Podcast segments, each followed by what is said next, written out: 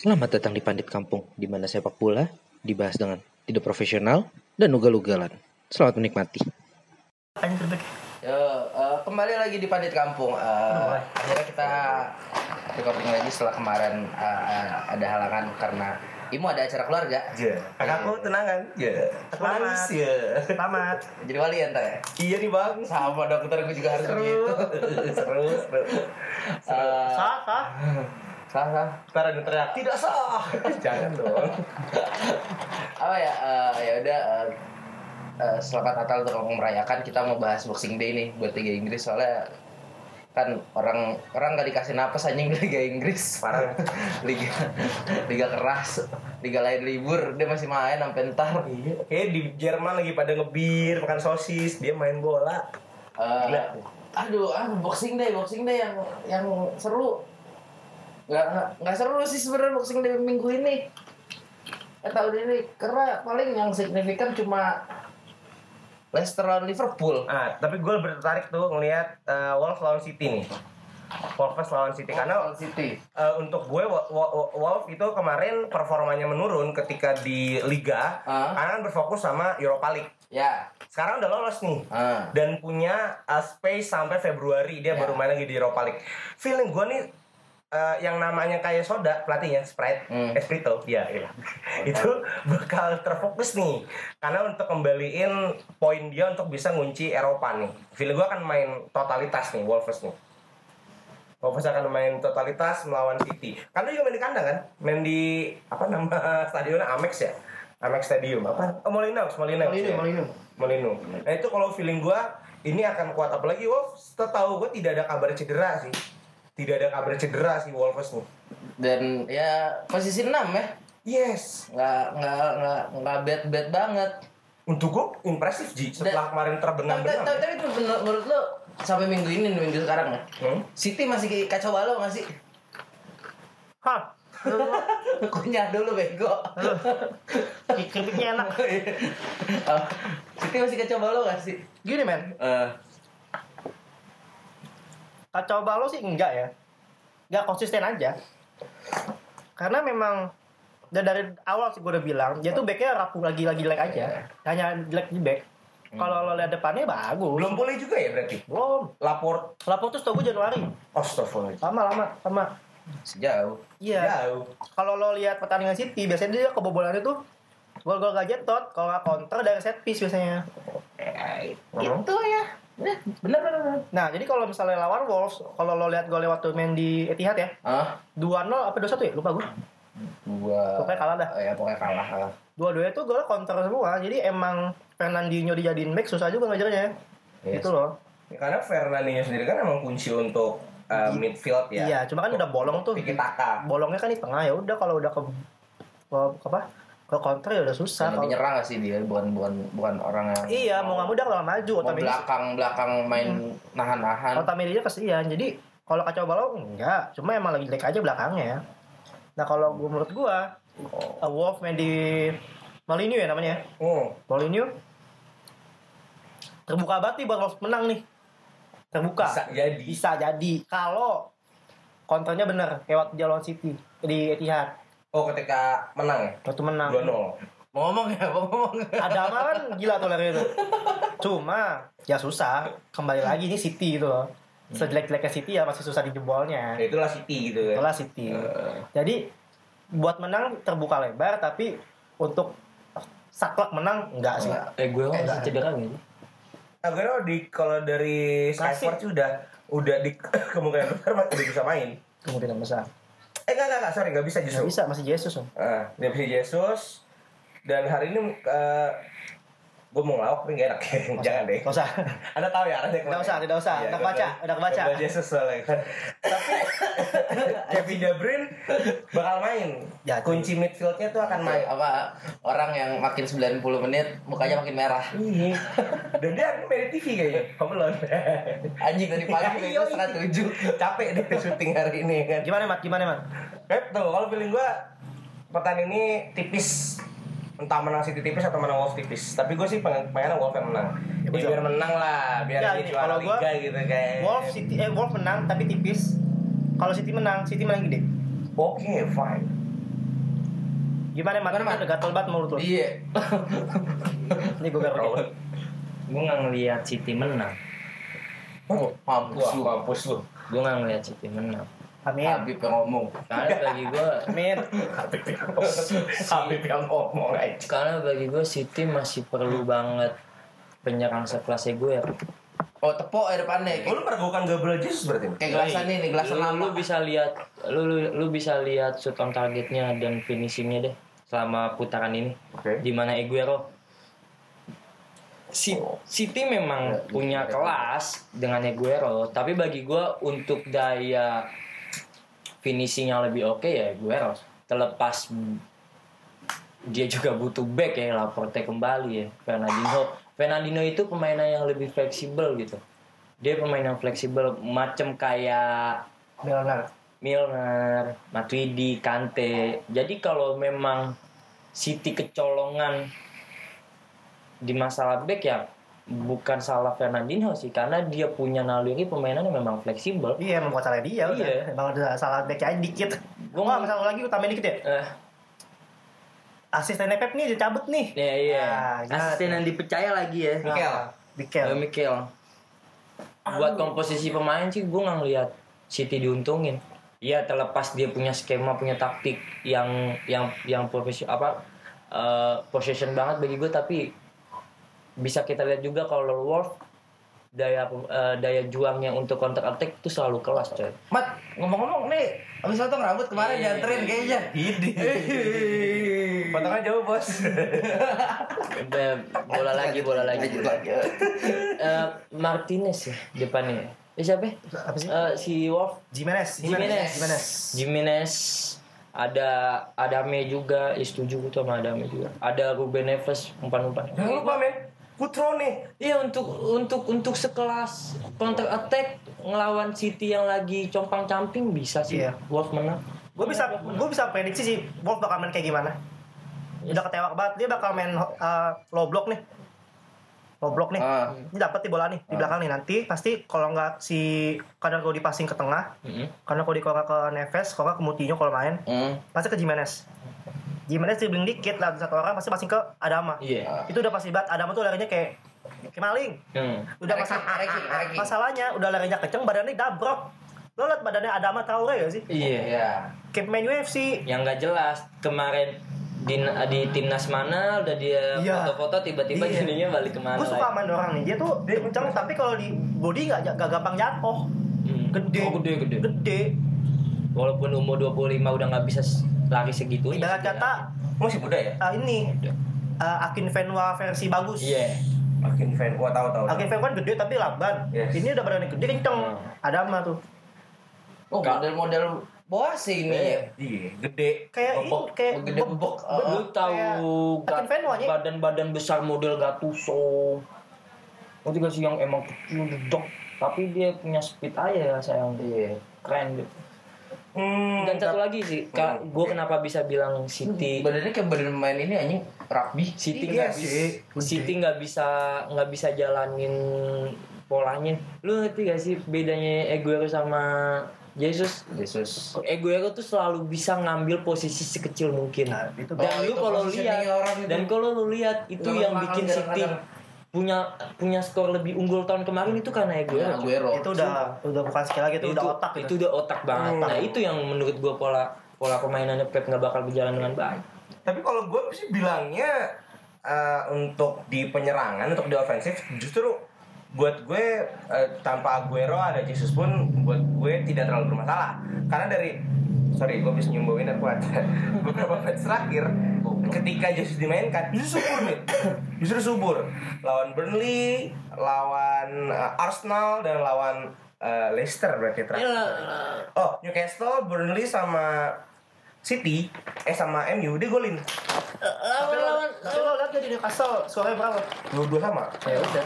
Masalahnya tuh menurut gue bukan di depan ya. Uh, Masih belakang tetap Belakang pasti. udah. Kalau ngomong di depan, lo nggak gini deh.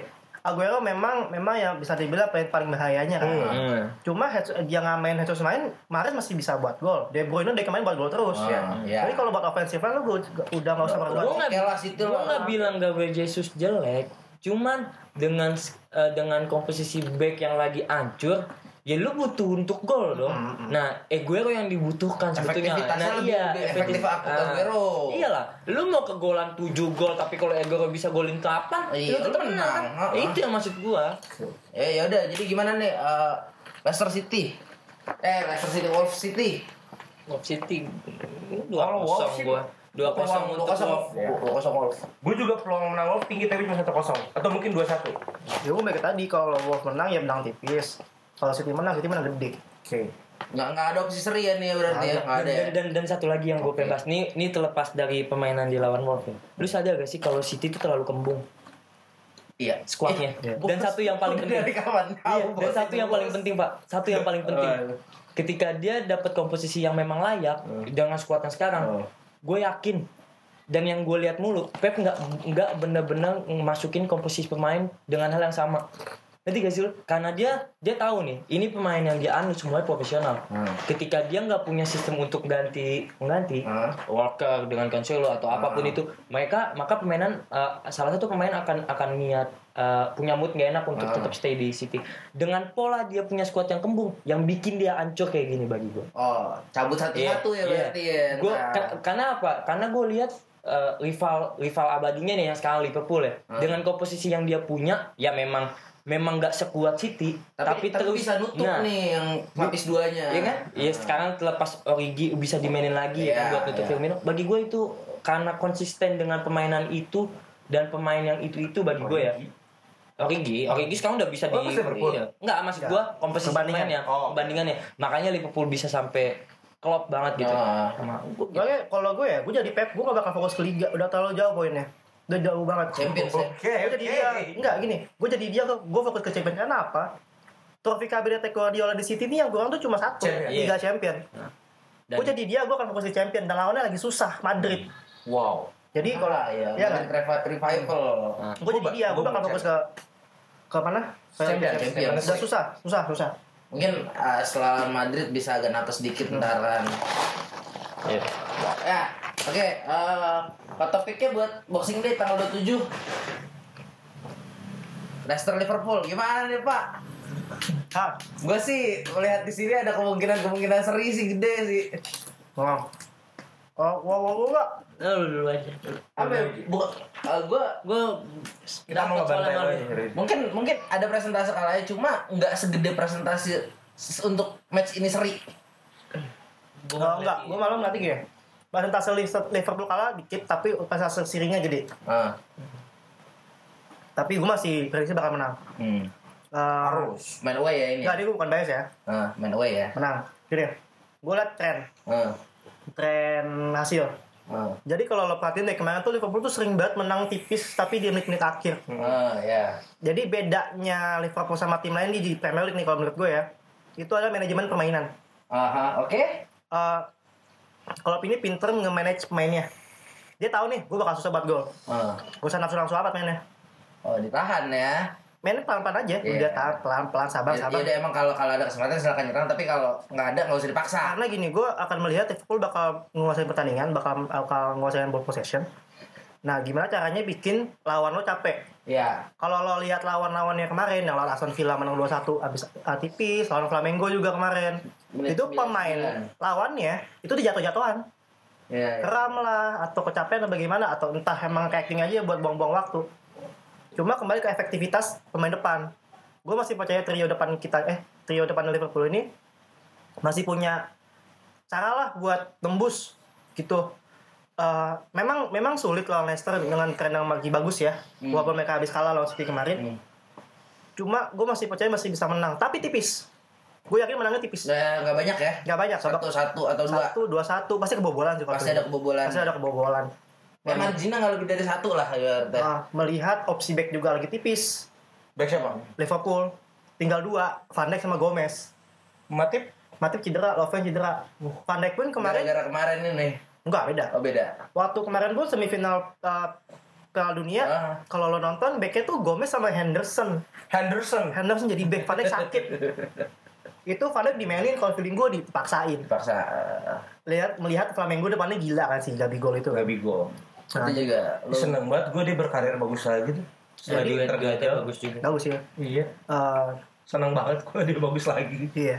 Eh, selama terus juga di posisi 6 gue kan lagi nggak ada Fabinho kan cedera juga yang main Henderson gitu walaupun juga sebenarnya Henderson juga bagus-bagus aja kalau menurut gue tapi Fajri bukan diprediksi bisa main ya bisa bisa tapi emang tipis aja tinggal dua doang dan Gomez juga injury prone Gomez tuh gampang cedera back tuh gampang Kacang cedera ya? semua kecuali Van Dijk nah eh, terus juga eh, faktor kecapean juga jadi Hmm. kunci abis terbang ke Qatar tuh capeknya gila-gilaan loh men Ah, empat hari doang lo istirahat ya. long haul flight main Ah, long haul flight. long haul flight main 100 waktu itu Qatar Inggris ya. Qatar Inggris juga kemarin kan mainnya sampai babak tambahan kan Ya. 120 menit lagi tuh 120 menit mainnya. Iya pasti capek kalau menurut gua. Dan kita away ke Leicester. Ada kemungkinan nggak yang di- dipakai ini mix dari squad utama sama eh, development squadnya karena Klopp itu se waktu itu kan lo barengan kan ada jadwal barengan nih Aston Villa kalau salah. Villa, iya. itu kan full development squad yang diturunin. Ada nggak kemungkinan akan di mix up? Untuk pemain muda semuda kayak eh, Piala Liga kemarin enggak tapi kalau buat di mix sama pemain yang bisa dibilang French player iya sebenarnya seperti siapa nih? Eh, Shakiri, Origi. Oh, oke. Gue bisa ngel Chamberlain gak bakal main Chamberlain cedera kemarin. Sayang banget. Gue bakal ngelihat eh Shakiri bakal main kalau feeling gue Shakiri bakal main. Gantikan salah? Di tengah nggak tahu oh main di tengah. main di tengah. Oh nggak nggak di prospek ke Ah. posisi asli. front line-nya gue cepat tanyain bakal main semua apa enggak. Karena? Biasanya kalau udah eh, padat-padat gini biasanya bakal lah dicopot satu tuh biasanya. Origi paling bakal main. Main tetap main tiga di depan apa main dua? tiga. Tiga, Tiga tetap ya. tiga. Liverpool tetap dengan tiga, Tiga. tri, uh. Tridian ya Trisola. feeling gue bakal dicopot satu. Cuma harapan gue tiga tiga main. Tapi feeling gue bakal dicopot satu. Kalau nggak dimasukin di ini substitution. iya pokoknya dicopot satu main Origi di biasanya Origi. Kalau Chamberlain sehat biasanya di Chamberlain juga main tuh di depan. Masalah Chamberlain sakit. Eh cedera. Jadi feeling gue bakal mix iya. Gue iya bakal ada kemungkinan mix kok Karena kalau nggak salah kemarin juga performanya lawan Aston Villa not bad sih Enggak, si iya. development squad. nggak jelek emang ya udah kurang pengalaman aja Ya mental lah mental. mental beda Tapi gua bahas Leicester juga, maksud gue kalau dari sini ya head Leicester lawan Liverpool itu kemenangan terakhir di 2017. Dan waktu juara pun itu juga salah satu kan tiga kali kalah di Leicester. Salah, salah satu kalah dari Liverpool di itu di zaman Klopp ya. di Anfield Iya. Di era Klopp ya. Di era. Nah, maksud gue Liverpool ini juga menjadi momok eh, momok ke Leicester juga nih. Cuman yang bisa gue katakan eh men ini dia peringkat dua gitu loh. Mental dia pasti akan terbentuk dan dia jauh sekali kan dia dia nggak main di champion dia tidak main di mana-mana pasti secara persiapan lebih oke kan kalau lucu-lucunya kan pelatihnya kan agent lo agent Brandon Rogers kan. Jadi kemungkinan besar sih eh, ada ada harapan menang sih. Kalau buat gue masih ada harapan menang buat Leicester. Ya biar Liverpool Liverpool udah pernah kalah belum sih? Belum ya? Nah, gue selalu berdoa trofi emas gak turun sih musim ini. Dan salah satu yang bisa menjegal Liverpool, harapan gue sih di Leicester. Apalagi menghadapi trio, lu punya trio keren, dia juga Leicester juga punya trio keren nih, ya kan? Eh, Ayoze Perez, Harvey Barnes sama Vardy yang buat gue juga cukup produktif. Walaupun tidak se sekeren Firmansyah ya. Minumannya salah. Yo. Segalak itu. yo gue ngomong kayak gini pasti gue diiyain. Coba dulu. Nah, Coba dulu mat. Ih, Lu mah kalau di sini mah diiyain aja mat semuanya mat. Jadi kalah PSG nih gue ngomong. Ini ini pertandingan di mana Liverpool bisa kalah ini pertandingan yang bisa Liverpool kalah. Dengan dengan persenan yang paling tinggi bagi gue walaupun gue nggak percaya itu bisa sampai angka 60 ya. Kenapa? Satu dalam konsi- eh, komposisi Berarti pemain 59 ini. terserah. Persenan tapi gue ngeliat kan, gue ngeliat gue ngeliat 59. gue ngeliat ini sebagai ujian sesungguhnya di Liverpool. Asik. gue nggak usah ngomongin Liverpool yang emang biasanya dengan squad yang ada deh. Yang biasanya ya squad yang biasa. Udah itu eh, kemenangan udah pasti dapet. Cuman gue ngelihat ketika Liverpool nggak bermain dengan Fabinho itu satu masalah. Terlepas Matip juga punya pengaruh Matip Va- Van Dijk dengan segitiga belakangnya itu. Gue lihat punya masalah. Kalau Fabinho nggak main. Eh, dan di satu di satu sisi lagi dua minggu ini yang gue lihat eh, dua pertandingan sebelumnya Liverpool di mana susah untuk ngalahin Flamengo. Itu kan pasti ada something yang emang ada masalah gitu di Liverpool bagi gue entah apa pun gue yakin itu ada masalah. Dan ini ini momen-momen emang beratnya Liverpool di mana Liverpool bisa kalah. Terlepas terlepas keuntungannya ya. Keuntungan sebagai gue bukan fans dari kedua belah pihak nih. Hmm. gue ngelihat permainan ini bakal jadi lebih dramatis. Karena apa? Satu main bukan di Anfield. Oke. main di Leicester. Kedua Liverpool lagi ada luka walaupun itu dikit. Ya. Ketiga Leicester lagi di atas Dan dalam perfect squad. Nah, bagi gua ini jadi tonton yang menarik untuk untuk kedua belah pihak ya.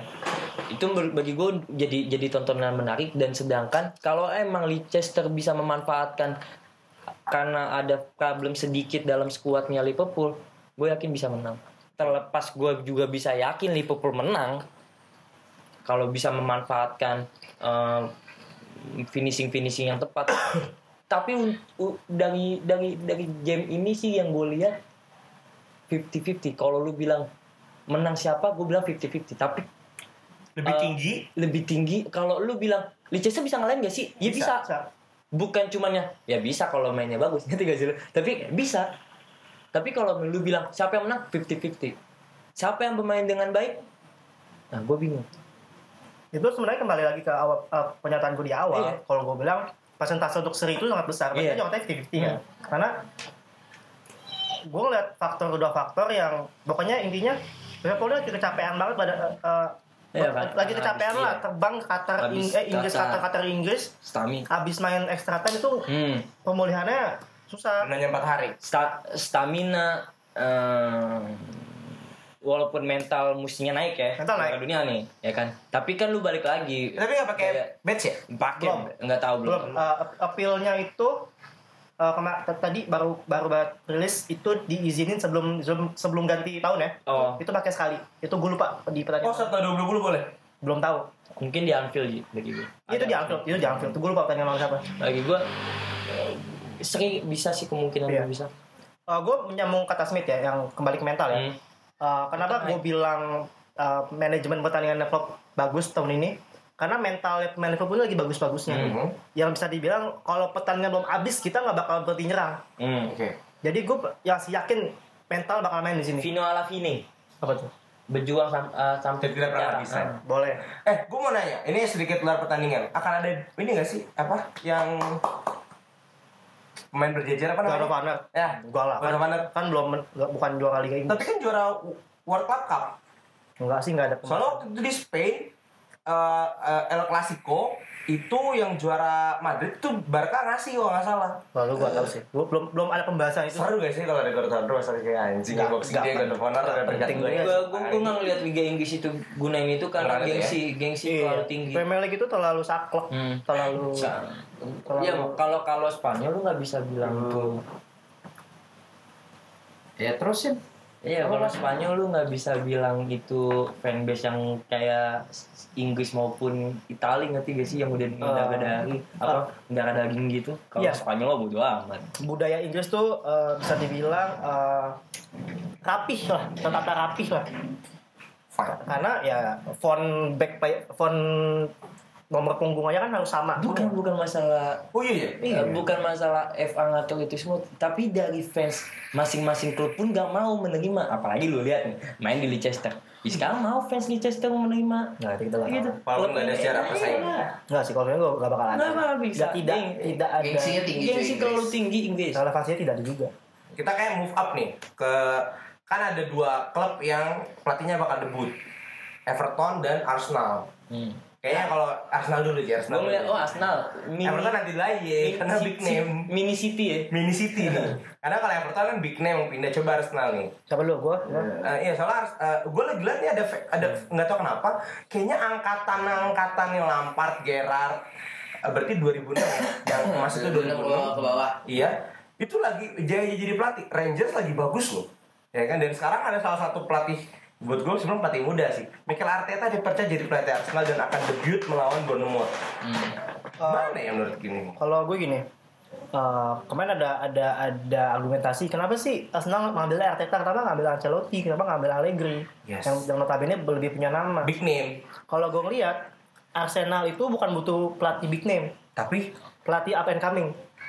Tapi up and comingnya harus yang bagus dulu. Up and coming. Oke gue pernah ngomong waktu itu gue lupa di episode berapa oh. kalau misalnya Arsenal mau ngambil eh, pelatih and coming carinya yang jelas jangan yang nggak jelas oh. Waktu itu gue pernah nyebut nama Eddie Howe. Pernah nyebut nama Oh itu ya ini episode kita yang sama Dias. Enggak, bukan. Oh. Di sini kok gue ingat. Pernah nyebut nama Mikel Arteta juga. Nah, kenapa kalau misalnya dia ambil kalau Ancelotti gak cocok? Gue nggak tahu, tapi gue selalu ngat kalau Ancelotti itu kalau main dia bakal pemain jadi. Oh, oke. Kemudian eh, Ancelotti itu trennya lagi turun, Ya, sejak kali di Napoli ya trennya lagi turun. Eh, style of play-nya gue merasa tidak cocok di di di di, di Era sekarang. era sekarang. Sepak bola modern. Nah, keunggulan Arteta satu dia muda, dua dia punya respect di Arsenal, dia dihormati di Arsenal. Respect sih. Ketiga. Ketiga dia anak buahnya Pep Guardiola. Eh, dia maksudnya melat, aduh, berlatih Iya. manajernya di Guardiola. Yang notabene ya kalau kalau lo mau lihat eh, sepak bola modern, ya lo lihat sepak bolanya Guardiola. Gitu loh. Hmm. Jadi menurut gue cocok nih. Karena kalau sekarang Arsenal Iya. Di dalam squadnya tidak ada tanda respect pada manajernya. Enggak. Itu tanda apa? Tidak ada tanda respect pada Ya, manajernya. yang kemarin sih. Iya, butuh, lebih luas sih. Mangkak semua. butuh sosok yang emang ada respect di sana. Nah. Di luar ya sabar-sabar aja sih fans Arsenal. Hmm. Kalau lo mau naik ya agak agak lama nih. Ya. Agak lama banget. Tapi pressure-nya akan tinggi nggak sih buat Arteta? Enggak, kalau gue nggak nggak Maksudnya gini, Lampard sukses ketika tidak ditekan oleh siapa pun, ketika memulai karirnya di Chelsea dan semua pandit, semua pandit eh, berkata Lampard itu adalah pengecualian, exception.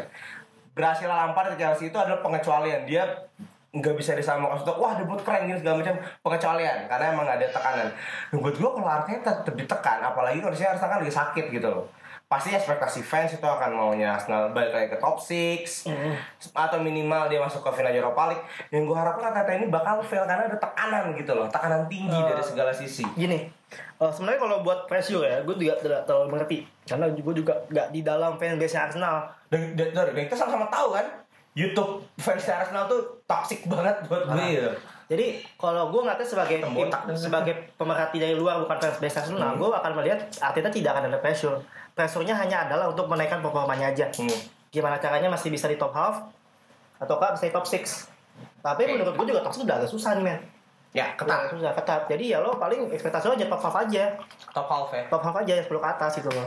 Ekspektasinya sekarang adalah bagaimana lo menyimpan pemain-pemain he- terhebat lu di situ. Biar nggak cabut. Gak biar nggak cabut. Iya, lo album yang cabut mau gimana tuh tim? Gitu. Bukayo Saka. Jadi bener-bener dari ground up banget nih ibarat kata dia lagi ngebangun dari sama Unai nih Hmm? dari bawah tapi gagal turun lagi dong lebih turun lagi loh. Ah. Nah Arteta lagi mau bang- bang- bangun lagi nih. Nah harapannya adalah harapan gue sih maksudnya ya sabar-sabar aja gitu loh. Gimana sih Arteta beresin fondasinya Unai Hmm. Emery kemarin? Ini udah berantakan banget masalahnya. Hmm, udah di tapi- iya, iya. enggak, udah masalah udah di Wenger berantakan di akhir di akhir akhir Iya, iya, iya. berantakan, udah masuk makin berantakan lagi. Kan PR-nya lebih banyak kan Arteta kayak nyapu ya. Menyapu sudah pasti. kotoran-kotoran Sudah pasti. Sudah pasti. Di saat Tapi apakah respect Arteta ini sebesar maksudnya gini, ketika Lampard masuk, gua kita tahu seberapa respect seorang Super Frank Pasti atau ada. waktu Thierry Henry masuk ke Monaco. Pasti ada. ya kan? Arteta kan cuma seben, enggak maksud gue tidak selama Frank Lampard gitu loh di Chelsea. Apakah bisa se respect itu ya pemain terhadap dia? gue kalau ngelihat gue liat di Twitter ya gue liat reply reply-nya liat teman-teman gue yang as- yang si ini deh Dias. contoh buat buat Arsenal deh buat Irhan Diaz dah Oh, teman iya, kita yang pernah jadi guest star. iya dia di saat eh, Arteta diangkat senang-senang aja Happy. ada itu juga tahu dia tahu eh, dia kan tahu kondisi klubnya kan saya dia merhatikan kan dia Hmm. tahu Arteta ya cocok kalau pelatih pelatih gede nggak bakal cocok gitu loh jadi kalau gue lihat antusiasnya ada cuma pasti akan selalu ada selalu selalu ada skeptik Oke. di beberapa fanbase karena ya Arteta dari asisten bukan dari manajer emang manajer manajer tapi asisten asisten Pep Guardiola di City yang tiap tahun menang juara terus Dan kepercayaan pula. kepercayaan pula dan Guardiola juga nggak kehilangan batu kemarin tuh waktu press conference tuh kelihatan banget kehilangan Artetanya Hmm. jadi kalau dibilang ada excitement ada excitement di sana Nah, pressure enggak tambah lagi dan pressure itu menurut gue menurut gue tidak sebesar pressure-nya waktu Emery masuk Nah, gue prediksi lo lawan Bournemouth ini gimana? Ini W apa sih? Eh, Wait, wait, wait, wait. nah, Bournemouth ya? W ya? Woi, woi, woi. Atas atas. Eh, udah lawan di itu. Nah, wait. Woi, W Bournemouth. mainnya di apa sih stadionnya gue lupa. Ya itulah. Hmm. Wait, dan ya nggak nggak beda jauh lah. Seri 11 paling. sama 14. Tapi paling Bournemouth juga naik turun soalnya. pemain bagusnya juga lagi cedera tuh Bournemouth. Oke. Harry Wilson. Oh, hari dulu. Dari lu ya? Iya, kan? lagi balik ke Melwood. Dari 5 match baru menang satu. Sisanya kalah semua. Lagi turun juga.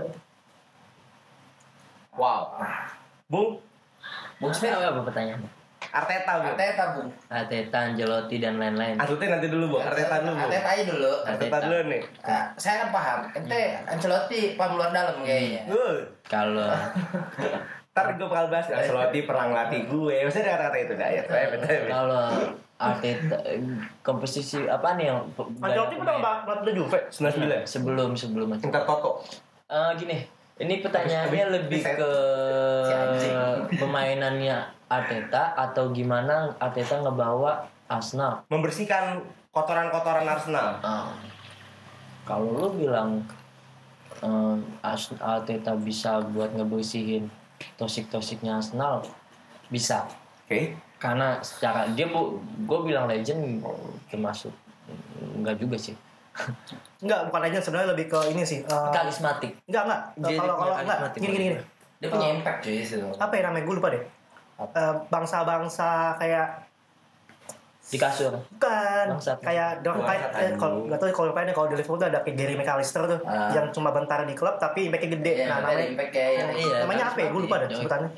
sebutannya. Eh, bagi gue kalau punya karismatik ya memang Arteta pun walaupun pemain tenang gue yakin buat buat untuk jadi pemimpin lebih tinggi ya. Iya. Bahkan gue demen banget statement dia awal-awal mana kamera-kamera kalian apa apa kita punya drone itu kan salah satu hinaan di mana uh, pemain Arsenal lebih suka berinteraksi di dunia maya daripada Iya. pertandingan ya kan. Nah, bagi gua Arteta datang dengan sebuah sindiran yang kuat di mana juga Conte pernah pernah punya sindiran juga tuh kuat buat si- uh, buat Juventus pertama kali datang stop buat jadi sampah. Nah, ya. ini sindiran-sindiran yang kuat yang emang mempertegas kalau Arteta mungkin bisa memperbaiki dari beberapa sisi Arsenal. Untuk semuanya gue nggak tahu ya. Bahkan untuk gaya bermainnya pun gue bakal bilang ya ini mini City. Di mana Ya, di mana kalau kalau kayak permainan kita Iya. tunggu abis lawan Bruno Mata aja lah ya, lihat bocorannya ntar. bocoran yang gue bisa lihat pasti dia bermain seperti Pep di mana bola-bola uh, bola-bola bawah dimainin dengan Nah, aliran-aliran oh, cepat. cepet ya. Mm-mm. Itu selebihnya gue nggak ngeliat apa-apa. Textbooknya inilah Pep lah. Iya. Bahkan dia dikontrak tiga tahun ya. Dia dikontrak tiga tahun. Gue ngelihat Arsenal ng- ngambil Arteta dengan niat yang benar-benar sih dengan kontrak tiga tahun setengah. Berarti kan memang dia perlu perlu Arteta mungkin ya bagi gue. Cuman bagi gue sekarang yang gue bingungin gini deh. Eh, Setiap eh, yang punya klub gue bilang yang punya klub dan emang manajemen manajemen klub dia akan melihat pelatih itu yang jarang atau bahkan nggak pernah kalah dalam pertandingan. Contoh, Arsenal ngambil Arteta. Belum lama Rangers ngambil Gerrard. Hmm. Chelsea ngambil Lampard. Oh, Eh, Monaco pernah di Henry, eh, Henry pernah Monaco. Sekarang belum lama juga Diego Forlan nih sekarang ngambil di Panarol. Nah, bagi gue gini, sekarang sekarang memang bergesernya permainan sepak bola di mana klasik menjadi modern, di mana lu mesti di men- men- lu mesti fleksibel bahkan dalam setiap posisi lu bagi gue ya. Mungkin ini masuk ke Ancelotti pun bisa langsung karena bagi gue sekarang manajemen klub nggak melihat eh, Gimana boleh gimana bukan, gimana pelatih menjanjikan sebuah uh, trofi.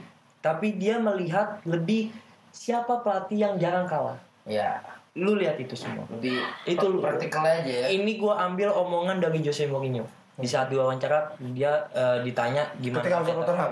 Enggak gimana Ate- Arteta diambil sama Oh, oke. dan gue langsung mikir iya benar. Karena di saat itu kan isunya Ancelotti.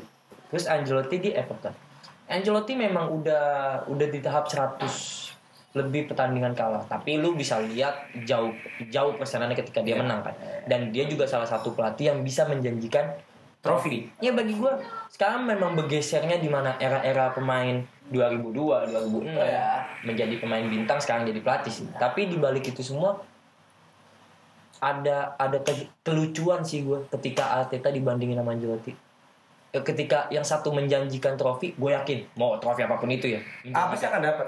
menjanjikan trofi yang satu lagi menjanjikan secara ketenangan di Arsenal dapat ya gue gue sih nggak muluk-muluk gue akan milih trofi Ya guys. Tapi apakah Arteta sebintang? Dulu tadi bilang kan main-main bintang. Berarti eh, kita compare-nya ya Lampard, Thierry Angri, Gerrard. Apakah Arteta sebintang itu? Di saat di Arsenal. Yes. Tidak. Tidak kan? Karena Strawberry besar. panic buying. Gini, Enggak, gini. ini impactnya besar. Dia itu Oke. kalau yang sebacanya gue tuh Arteta itu di dressing roomnya dia Hmm. itu direspekin karena bisa dibilang dewasanya di dressing room ya dia. Oke. Kita kan kalau klub itu kan butuh orang yang di, direspek kan. Hmm. Kayak salah satu alasan kenapa Liverpool beli James Miller waktu itu Gimana Zidane bisa ngambil hati pemain-pemainnya? butuh sosok yang bisa dibilang direspek gitu loh.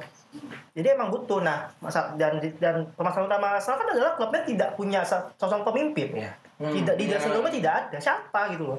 Saka. Iya. Ya siapa aja, siapa aja Bom, ngasih bom, bom. siapa aja ngasih jari tengah ke fansnya gitu loh. Manchester kayak enggak. Gue ngeliat terakhir dia punya sosok yang memang bisa jadi panutan. Adams, Beckham, tuh Angri.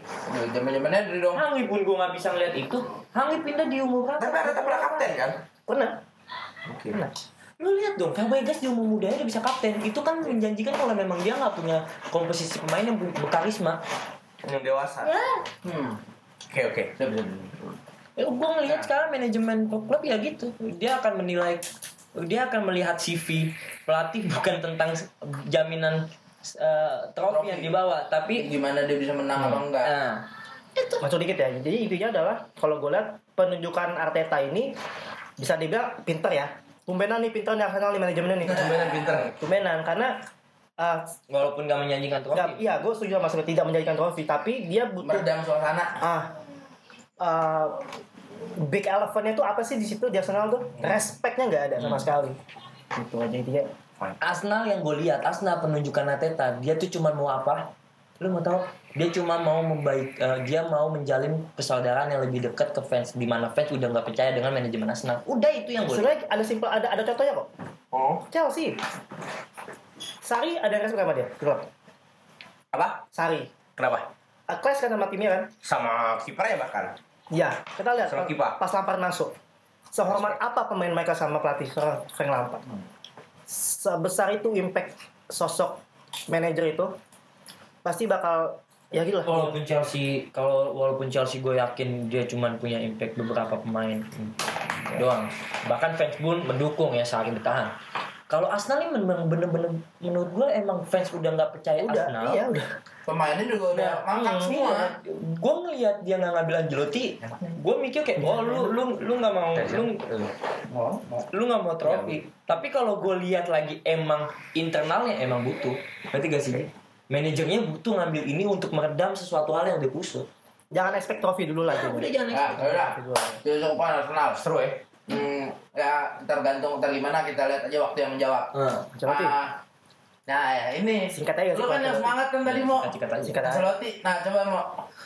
Gue sejujurnya uh, uh, ter- terkejut dan terheran-heran. Ya, makan daging dengan sayur kol, nggak bercanda. Gue pengen gue lanjutin tuh. gue terheran-heran. Karena Don Carlo, Don Carlo yang kita tahu dia big name, pasti big club. Set join Everton. Wow.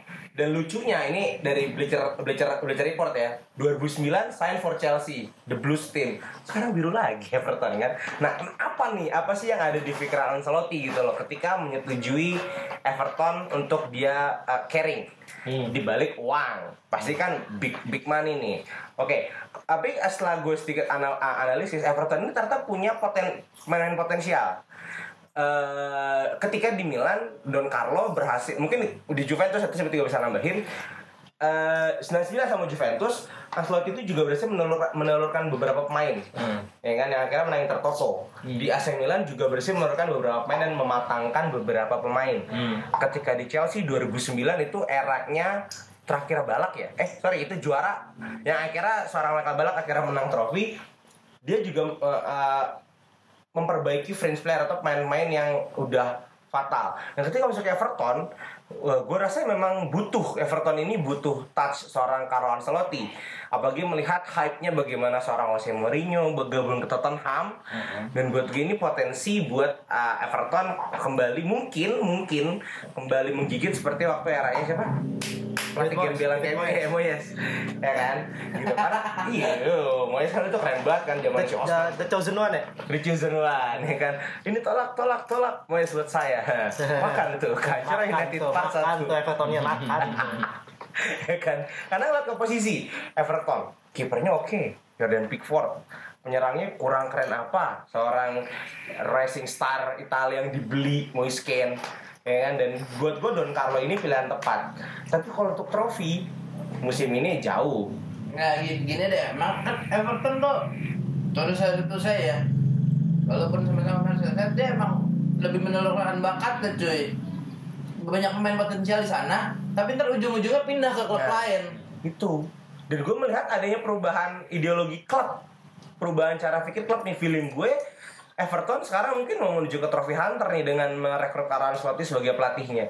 Jadi buat gue masuk ke Don Carlo ke Everton suatu langkah yang tepat sih. Ya seenggaknya Merseyside Derby nggak bosen-bosen Nggak bosen-bosen amat. amat. Iya, gini gini. Dan- mau nanya ini, dan- kotanya. Apa? Eh, fans kota, rival sekotanya nggak boleh nanya. Ih. Ntar dulu dah lu Jadi dia belakangan terakhir Eh lu sama Everton, Liverpool Everton kayak Chelsea nih anggap Fulham. Lu, lu tahu lap- lapangan lu cuma dipisahin jalan segede jalan panjang doang lo. itu lah rivalitasnya pakai antara agama kan? Parah itu sejarahnya. Nah tapi kalau buat gue eh, Everton juga ya. Everton ini akan ada perubahan ideologi klub dan gue sangat menunggu di Januari pembeliannya siapa. Yes. Statementnya Everton ketika dia beli Carlinson, Kane, Pickford, uh, Pickford, apa Pickford. Pickford, dan lain-lain, dia punya ideologi yang diubah, di mana dia nggak mau menjadi tim mediocre dan dia mau menjadi uh, tim untuk salah satu tim untuk merebut gelar, Hmm. gitu. Tapi gue nggak ngeliat di pelatih yang muda tuh, pelatih tolol, yang cuma model jas. tapi itu pelatih itu caretaker kan karena sebelum Marco Silva kan Daniel Ferguson. Mhm. Caretaker. sebelumnya dari Ma- Marco Silva kan gue gue nggak ngeliat dan ketika dia ngambil Ancelotti di situ gue main oke dia dia benar-benar uh, menunjukkan kalau dia mau klub dia mau bukan sekedar klub yang menjadi uh, hiburan tersendiri di ranah Britania gitu tapi dia pengen menunjukkan kalau gue salah satu klub yang bisa ngambil Contender. uh, Ya. trofi IPL dengan penunjukan Ancelotti dengan pemain muda yang yang punya potensial Liga Inggris. yang potensial dan punya dan Ancelotti pun punya eh, mungkin dia salah satu seniman dalam hal pelatih ya di mana Pirlo menjadikan posisinya eh, diubah dari eh, dari gelandang menyerang jadi gelandang bertahan dan lebih suplai bola. Itu bagi gua bagi gua jaminan untuk dia memperkuat atau setidaknya membuat tim Everton jauh lebih profesional dari Everton sebelumnya itu punya Spade itu jauh banget. Nah dan di sini emang benar-benar Everton menunjukkan kalau dia mau eh, menjadi tim ya setidaknya empat besar lah berusaha walaupun kita bisa lihat juga banyak tim Liga Inggris yang nggak bisa lu Pandang sebelah mata. ah Yes. Leicester dan lain-lain ya bagi gue Everton salah satu menunjukkan bukan di musim ini tapi di musim depan ya, musim depan dan ke depannya. Iya. Ya udahlah. kalau masih kita tambahin gue mau compare ketika Newcastle meng-hire Rafa Benitez apa Benitez mau sebagai coach ya sebentar Newcastle itu punya big step waktu itu cukup menyeramkan. Itu eranya seingat gue ya itu eh, siapa sih penyerang depannya? Anjir gue lupa. Pokoknya salah satu itu fringe player dibenerin dan itu eh, nama apa apa ah anjir gue jadi pegang gitu nih apa maksud gue? Eh, big step buat Newcastle. Walaupun pada akhirnya dipecat dan ya sekarang Newcastle jadi gembel-gembel gue tanya sama lu Rafa Yes. Benitez ya Gerard punya masalah kok sama dia iya maksud enggak maksud gue sama dan, nih. dan bahkan kalau lu bilang Rafa Benitez itu apa sih trofi yang bisa disajin ke Liverpool? Champion. Champion doang kan? Maksud gua bukan champion doang. Champion doang kan yang bisa bikin dia namanya tinggi. Dan final. Nah sekarang lu, lu bandingin sama orang yang udah tiga Oh, kali. ya, dua, udah lu lu bandingin sama orang yang doyan banget champion. 2003 2006 2000 Sorry, gua gua gua sini pro dengan Ancelotti iya, masuk iya maksud gue, Everton. gue nggak pro ketika lu bandingkan Everton, eh Rafa Benitez sama Ancelotti. Ah, lo lo duduk perkaranya nggak nggak tepat nih. Ah. Maksud gue m- eh, tim kecil, tim mediocre Inggris Uh-uh. merekrut seorang pelatih big name itu akan punya impact, Nah, iya. impact besar dengan eh, penggantian ideologi klub. Ah, ya kan ketika menjadi uh, kontendernya untuk trofi Heeh. ya kan karena ketika Rafa masuk ke Newcastle setelah sakit dari Madrid Rokok gua apa rokok lu? itu namanya naik banget. Namanya naik banget. Dan dulu ketika Ancelotti masuk ke Everton gue jujur takut. Sejujurnya takut dia dengan uh, Don Don Carlo mau ngapain lagi nih? Ya kan Everton bakal diapain. Dan pasti secara mentalitas lawan pasti akan Ya, gini mau Hancur. kalau ya sekarang prospeknya mungkin mid table dulu mau. Ya. Ya kayak kalau omongan Panji tadi eh, top half lah. Ntar lu, tapi Panji belum bersuara dari tadi. Rival Enggak, gue boleh dikit ya nih. Oh. Nah, di, nih, kalau Newcastle sama Everton yang gue bedain mau Everton Newcastle nggak pernah dia ngucapin kalau dia mau menjadi perengkut trofi. Nah, bedanya Everton. Everton awal musim dia ingin menjadi tim yang memang untuk perebutin Ketika trofi. Nah, ya? tapi ketika pelatihnya Ancelotti di situ dia bener-bener bagi gue menunjukkan kalau emang dia mau niat lah. punya uh, uh, naik setingkat lebih dari yang dia punya sekarang gitu baik Gigi coba Jul, coba Jul, rival seberang jalan. Merseyside Derby Jadi satu, Nah. gue setuju sama uh, Tim Naji kalau misalnya setidaknya Manchester Derby bakal seru lah. Hmm. Itu gue iya gue amin itu. Kemudian dua, sebenarnya penunjukan Ancelotti ini mengejutkan iya. Tetapi emang udah kelihatan aja bakal ngambil pelatih gede. Kenapa? Satu, ownernya Everton kan baru ya. oh baru deh Eh, dua, dua tahun ke belakang tuh baru. Kalau lo lihat eh, transfernya dia dari kemarin tuh selalu selalu main mahal. selalu main mahal. Hmm. Ada ambisi kan di situ kan. Ya, itu pasti. emang selalu dan di statement itu dia eh, emang udah dibahas kalau ya itu kalau di gue Liverpool pasti akan selalu akan ada pembahasan Everton selalu Iya. selalu ada nah eh, ada eh, apa namanya penunjukan Ancelotti ini menunjukkan ambisi ambisi klubnya melengkapi ambisinya dia Hmm, hmm, hmm.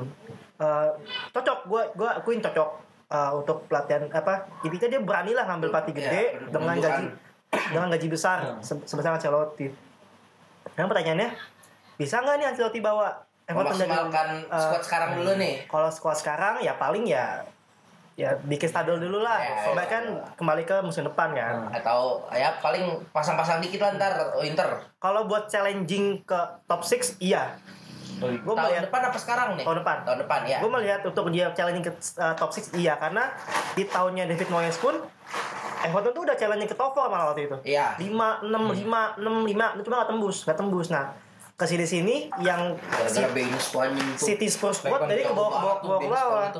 Heeh. Jadi untuk challenge top 6 iya, cuma kalau buat top 4 jauh lah, jauh. Ya tahun depan lah kalau top 4 lah ya mungkin atau atau lihat nanti Hmm. summer transfernya gimana. Kemudian juga cocok juga kalau gue lihat uh, gaya permainan Ancelotti dengan Everton yang bisa dibilang masih klasik lah mainnya. Ya, masih klasik. Saklek Inggris gitu loh. Bola panjang. Hmm, Masih cocok lah dengan Minggir-minggir. pemain Everton kan nggak jelek. Mainnya Ya, bagus. bagus. Dia dia rata-rata air sebenarnya. Cuma ya gitu permasalahan tim-tim eh, middle table Liga Inggris begitu pemainnya mencolok satu Iya. atau beberapa dipretelin semua. Dan satu lagi sih yang paling penting Everton di, disajikan dan di, di, diperkuat sama pemain-pemain muda yang potensial. Enaknya Ketika Ancelotti masuk, Enak kan di situ bagi gua Panji. secara tidak langsung Ancelotti dengan ngelihat pemain muda aja, pemain muda itu udah punya kenaikan mental ngerti gak sih? Iya. Karena dia udah ngelihat eh ini orang gila. Ancelotti. Ini iya, Ancelotti. Itu sih yang gue lihat. Itu sih yang gue lihat. Tapi ke depannya dia bisa bawa trofi apa enggak? Itu pertanyaan juga. Itu pertanyaan. Gua agak agak itu sulit, pertanyaan. agak sulit. Mungkin tapi kalau Angelotti bisa dikasih sesuatu hal apa yang dia mau, model eh, transfer dan lain-lain. Gue ngeliat itu. Tapi untuk IPL, Enggak, gue enggak. nggak tahu. Nggak usah ngomongin Untuk IPL IPL gue nggak tahu. Tapi kalau Oh, juara IPL. FA atau apa, gue mungkin bisa. Yang paling possible iya nih Piala Liga paling. Iya. Karena Piala Liga juga tim-tim gede udah kayak udah bodo amat gitu nih. Mainnya jangan dimainin main-main kecil. Tapi gue lihat. Eh slowly. Tapi gue tetap gue tetap mendukung Angelotti. wow Bahkan kalau bisa besok ini ya Scudetto di Italia. eh tapi gue masih mau bangga dong Buat pindah kemarin ada duel uh, Master versus Apprentice wah Apprentice menang Apprentice. Oh, Apprentice menang eh, tau nggak uh, saywarnya apa Tahu gue. ketika saya masuk Chelsea saya punya uh, catatan bahwa dulu ada seorang pelatih yang membuang pemain ketika belum era kemasannya Ah. De Bruyne sama Salah yang ngebuang kan satu orang tuh ya kan. Makanya sekarang ketika pemain belum mencapai masa kemasan saya akan pertahankan anjing dia beneran menang lagi anjing Tottenham lawan Chelsea ikonik sih buat gue gue ya banget Berarti di balik itu semua Lampard ternyata respect Nanti man Punya- ini enaknya ya Iya. bikinin sesi sendiri aja ntar. Parah Kalau kalau udah ada Parah. ada match lagi udah dua kali baru kita bikin Parah. sesi sendiri atau ntar kapan gampang lah. Eh Selamat untuk Liverpool juara dunia. oh iya selamat untuk Liverpool juara dunia walaupun terengah-engah ya di final ya. International treble. International treble. Tim Inggris belum ada yang bisa. Ya udahlah, udah, udah. Champions League, UEFA Super. Cup, Club World Cup. Nah, nih, nih kita masuk ke makanannya eh, Ahmad Smith. akhirnya Akhirnya, setelah sekian episode ini saya ngeliat di sini di eh, apa? Silabus? silabusnya ada tulisan terbantainya Juve oleh Lazio. Hmm. Hmm, tiga satu tiga satu. Tiga satu. Nah, dan Dalam satu bulan dua kali tiga puluh tiga satu lawan. Coba Bapak Smith pertanggung jawabannya dari Trigger gimana, sedikit Bapak? setelah enam tahun CR main di final dan tidak pernah kalah akhirnya kalah final ini gila Itali mulai mulai gila nih gue bilang Nah, seneng banget gue kita akan bahas Itali kalau Juve kalah pahit ini Bapak Ini, Smith. ini kalau misalnya Mei bener-bener Inter juara, pecah sih ini. sedih enggak lah, nggak mungkin. ya, gue hampir nazar deh Gue gini, gue gini. Gue ngelihat Jupe, masih Inter masih eh, Jupe kecapean.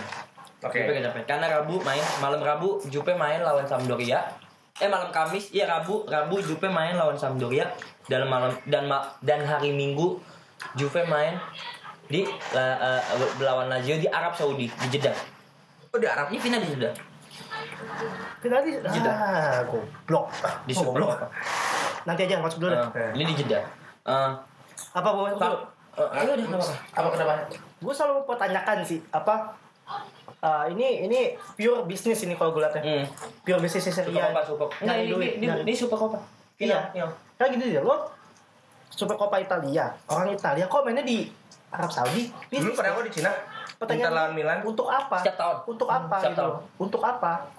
Yang ada pemain lo capek. Lo kira nggak jauh terbang Italia ke Arab dengan iklim yang berbeda?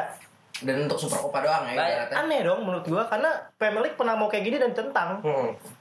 Jadi kalau menurut gua ini pure bisnis aja dan akan merugikan pemain. Eh, Maksudnya berarti kemarin si Ronaldo satu pesawat sama orang umroh dong.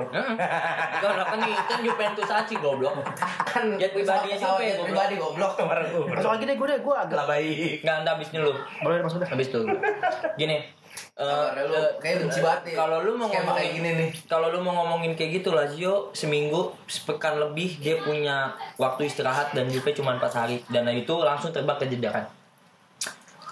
Faktor kecapean gue ngeliat gue ngeliat faktor kecapean. Iya pak, iya dia Udah, itu iya itu itu, itu udah, bisnis. udah pure bisnis itu, Itu udah bisnis. aneh itu. bisnis, Lazio-nya enggak. Oke terus terus. Setelah itu kalau lu main segi permainan, gue nggak mau ngomongin ini tentang masalah fisik deh. Karena Kalem. karena bagi gua kalau cuman fisik gua kelihatan kayak Ya. mau bantu banget tapi dalam skema permainannya Sari selalu kalah 3-1 dalam satu bulan ini ya Sama ketemu Lazio.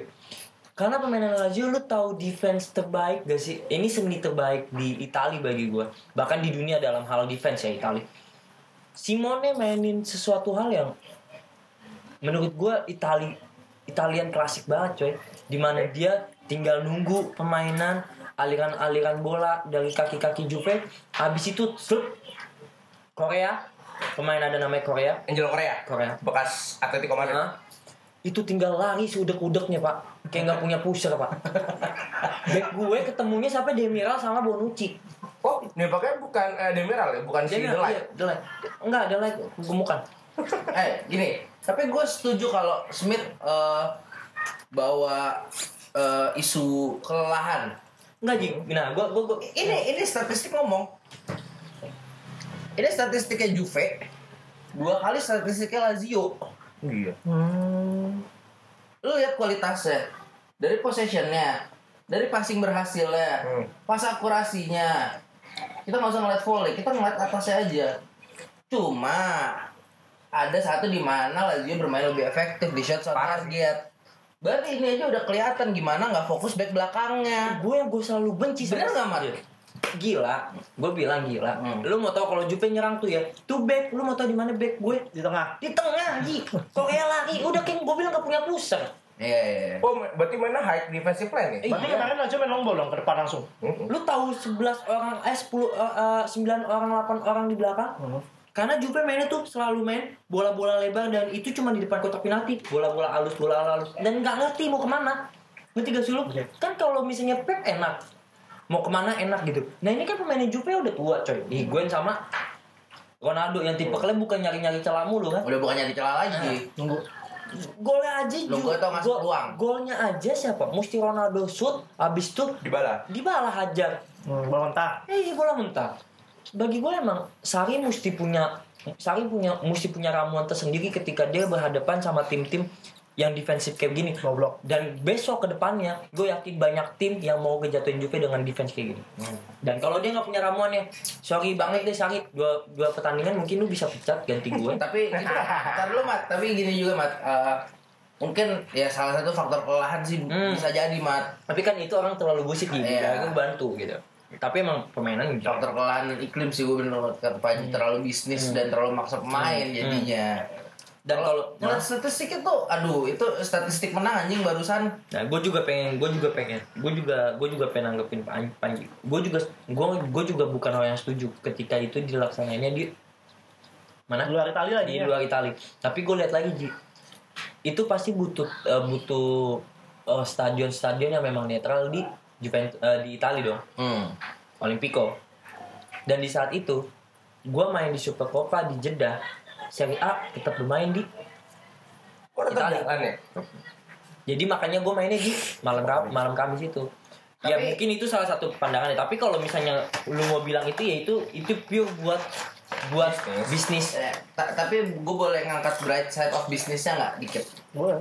nah untuk bright side of bisnisnya ini bisa publicity and marketing stunt Jauh. Iya.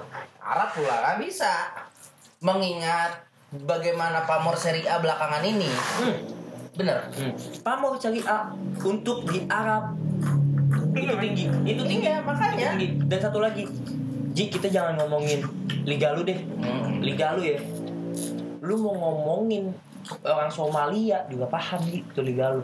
Ya sekarang liga-liga model gue nih yang udah jatuh, gimana mau ngambil pasar di Asia? Salah satunya dengan main di situ, dengan menyajikan pertandingan yang ada di situ. Iya. Kalau lu tanpa lu sajikan di situ, orang bakal mau. Bahkan kalau mereka mesti dibayar untuk setiap bulan, bayar uang kab- apa TV kabel ataupun. Kita ngebedain lah, maksud gue. drawbacknya drawbacknya ya Iya, kalau ibarat katanya gue mesti jemput bola. iya benar Gua memaklumi emang emang emang kalau udah kalau ngomongin basket ya iya. mungkin penjadwalannya Jul ya Di, di income ya, ya tapi iya benar. Wah masuk eh, iya penjadwalan. penjadwalan pertandingan Kayak tadinya tuh tahun ini tuh biasanya Ji ya sebelum transfer tuh setelah transfer sebenarnya main. Nah ini musim ini gue nggak tahu tiba-tiba mainnya di sini. di, di, Di awal Desember. di awal Di Desember ini, iya. harusnya setelah Musim- transfer nanti Januari bukan. Biasanya sebel, setelah transfer Juni berapa main, eh, Ah. langsung final. oh Kayak Community Shield, Paul Smith. Oh Awal awal liga. ya ya ya ya ya oke oke Gua mah ini aja sih, ya benar sih. Ya iya udahlah. ya ya bisnis lu, bisnis kalau lu cuy bilang kalau lu bilang gue nggak setuju, ya gue nggak setuju lah. Ya karena apa? Itu Serie A dan banyak orang di di di, di liganya eh, kan di negaranya sendiri yang mau menyaksikan. Italia tuh nggak punya kayak eh, national stadium nggak punya. Ah itu Olimpico Roma. Kan lu Bukan- tahu, punya Roma. bukan Roma malah Lazio. Maksud gue yang nggak ada ada, afiliasi dengan ada nggak Ji. nggak ada kayak Ji, Wembley dia. lu tahu San Solo beli stadion 25 juta. Dan lu mau tahu gimana melaratnya kan tuh Itali klub-klubnya iya iyalah. Tak gua kasih duit lah dari suruh Jupe. Inter. Milan kasih aja duitnya. Ya, ya udah. 25 juta pounds dap eh 25 juta euro dapat stadion. Buat Cina aja kagak ya sembilan. kan kan bohong dia. Oke, Gua oke, gua nggak oke. kebayang sih itu capeknya kayak gimana Iya, sih. capek banget, capek ya. mungkin ke depannya bisa lebih diatur lagi lah. Ya udahlah episode Boxing Day di sini aja Mm. ya udah eh, selamat menikmati liburan dan eh, Mari Christmas. Merry Christmas. Merry Christmas dan ya selamat da- awas ntar jangan keluar di dalam pas tahun baru kalau ngewe